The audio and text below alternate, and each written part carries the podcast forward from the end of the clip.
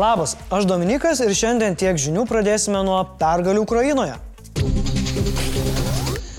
Didysis okupantų bėgimas iš laikinai okupuotų teritorijų hm, tęsiasi. Volodymyras Zelenskis patvirtino, kad Ukraina nuo rugsėjo pradžios atsikovojo jau daugiau nei 6000 km2 teritorijos. Ten, kur teritorijos dar neatsiimtos, ukrainiečių raketos retina okupantų ir jų ginkluotės gretas. Vakar buvo smogta trims rusų ginklų ir įrangos koncentracijos vietoms ir dar dviems kontrolės punktams. Tokį sėkmingą šalies gynėjų kontrpuolimą gyrė ir sąjungininkai. Hersone prasidėję kontrpuolimo veiksmai nebuvo tik akių dumimas siekiant atitraukti rusų pajėgas nuo Harkivo. Ten ukrainiečiams irgi visai neblogai sekasi atsiminėti savo žemės.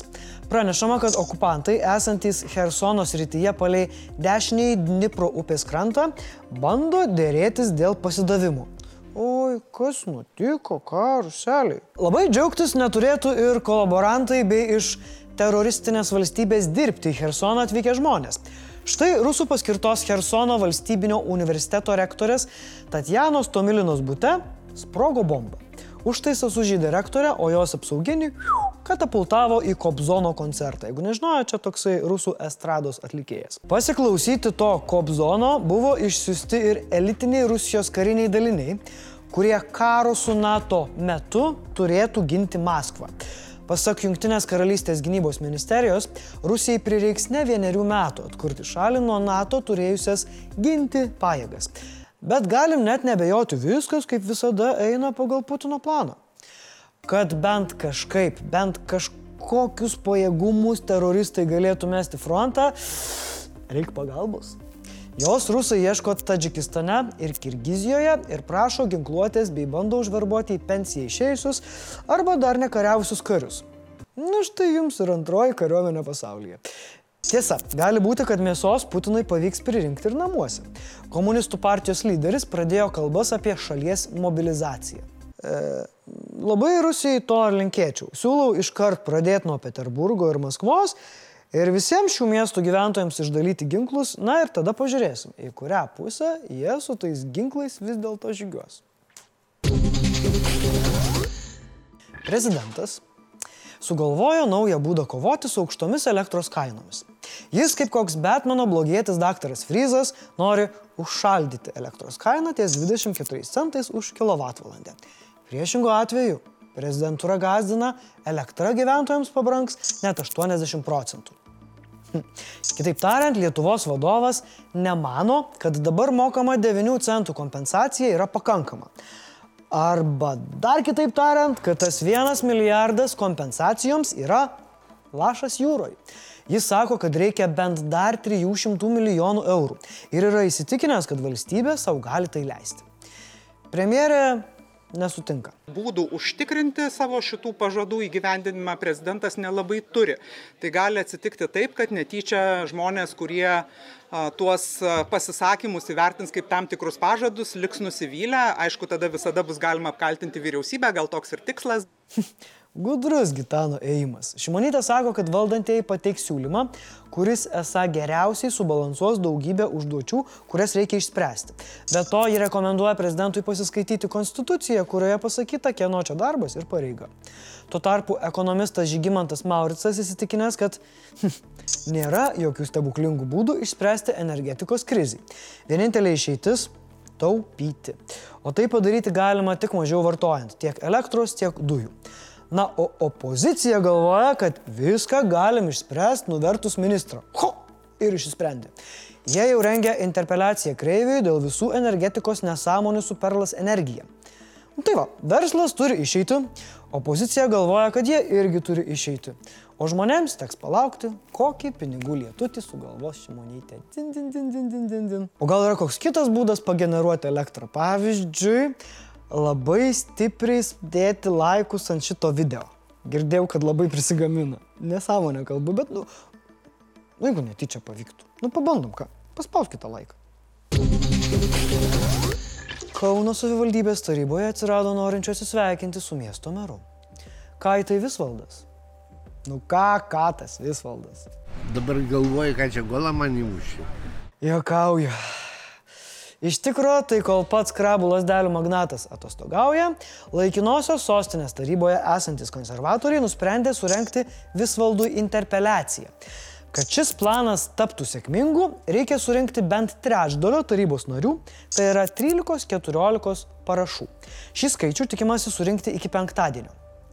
Tiesa, tai nėra kažkoks ypatingas sabotažas susijęs su to, kad meras atostogauja. Apie planuojamą interpeliaciją dar praėjusią savaitę sakė konservatorė Jurgita Kupčinskinė. Kodėl merą siekiama nušalinti? Na, manau, suprantat, bet dar patikslinsiu. Konservatorių teigimu, Matijo Šaičio šeimos verslui tęsiant verslą Rusijoje ir sudarinėjant naujus sandorius su sankcionuojamais Rusijos bankais, Visvaldas sulaužė duotą priesaiką. Tiesa, su ta interpeliacija nėra viskas taip paprasta. Tam reikia ne tik parašų, bet ir Lietuvos vyriausiojo administracinio teismo išvados, kad meras sulaužė priesaigą arba pažeidė įstatymus. Be vieno ar be kito žuvimi kvepiantis meras liks savo postą. Kaip sakė pats Visvaldas, mero darbą jam suteikė kauniečiai, o ne konservatoriai. Tai labai norėtųsi, kad tie patys kauniečiai rastų savyje savigarbos atimti tokį postą iš žmogaus, kurio verslas tiesiogiai moka pinigus į Rusijos biudžetą.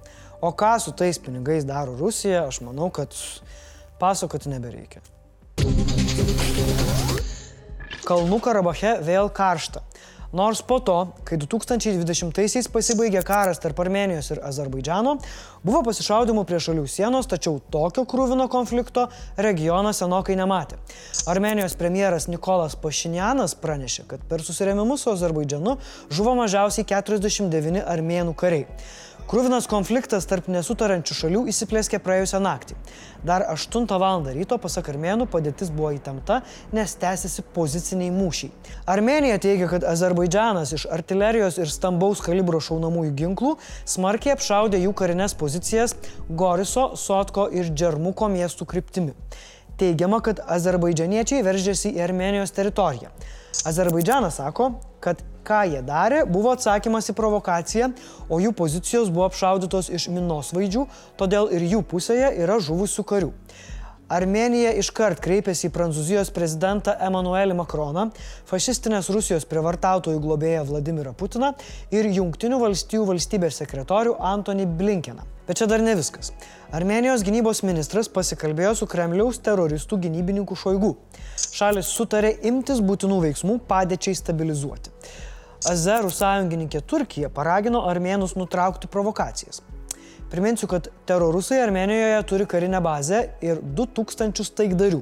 O Turkija ne tik turi bazę Azerbaidžiane, bet ir tiekia ginklus per 2020 karinį konfliktą. Įdomu, kokių pagalbos priemonių po pažado armėnams imsis rusai. Bėgs iš kalnų Karabacho, palikdami ginkluotę ar tiesiog pasiduos. Klėts naujienos. Lietuvos rusų dramos teatras buvo pervadintas Vilniaus senojų teatru. Kultūros ministras Simonas Kairys sulaukė ekspertų darbo grupės siūlymų. Ministerija įstaigos pavadinimą pakeis savo įsakymu. 82 parlamentarai pritarė laikinam tiesioginio valdymo Lietuvos futbolo federacijoje įvedimui. Pasak Seimo nacionalinio saugumo ir gynybos komiteto pirmininko Laurino Kaščiūno, laikas ištraukti šią sporto šaką iš šešėlio. Nausėda siūlymus laikinai įvesti tiesioginį valdymą vertina skeptiškai. Manau, kad prezidentas šio klausimu m, tikrai galėtų būti drąsesnis, nes nėra tokio dydžio bagažinės, į kurią jį galima būtų įkišti. Karalius Karolis III atvyko į Šiaurės Airiją su pirmuoju karališkuoju vizitu po jo mamos mirties. Tuo tarpu Edinburgė eilė pamatyti karalienės Elžbietos II karstą jau uždaryta. Pagarbą galėjo atiduoti daugiau nei 26 tūkstančiai žmonių. Taip pat jau siunčiami kvietimai į valstybinės laidotuvės. Ir netikėta, jų negavo Rusija, Baltarusija ir Mianmaras. Los Andželė išdalinti 74-ieji Emmy apdovanojimai. Squid Game aktorius Lee Jung-jae tapo pirmoju Azijos aktoriumi laimėjusiu geriausio draminio serialo aktoriaus apdovanojimą. Tačiau prestižinė geriausio draminio serialo statulėlė atiteko Succession, o Zendaya vėl pelnė geriausios aktorės titulą už vaidmenį Euforija. Nu, žinokit, ant manęs gal nesimato, bet uh, mano pasiruošimas darbui tai vyksta maždaug taip.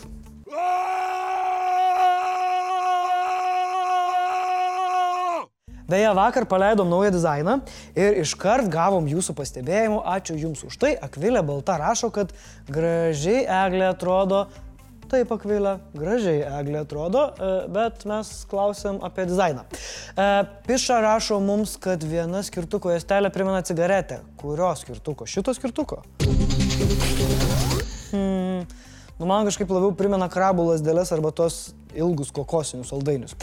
Lemon Joy sako, kad muzikikė kas kokia ceperdusli perėjimuose gal ir per greita, o jeigu taip, uh, mylėt tave, tai beprotiška ir keista. Geriau?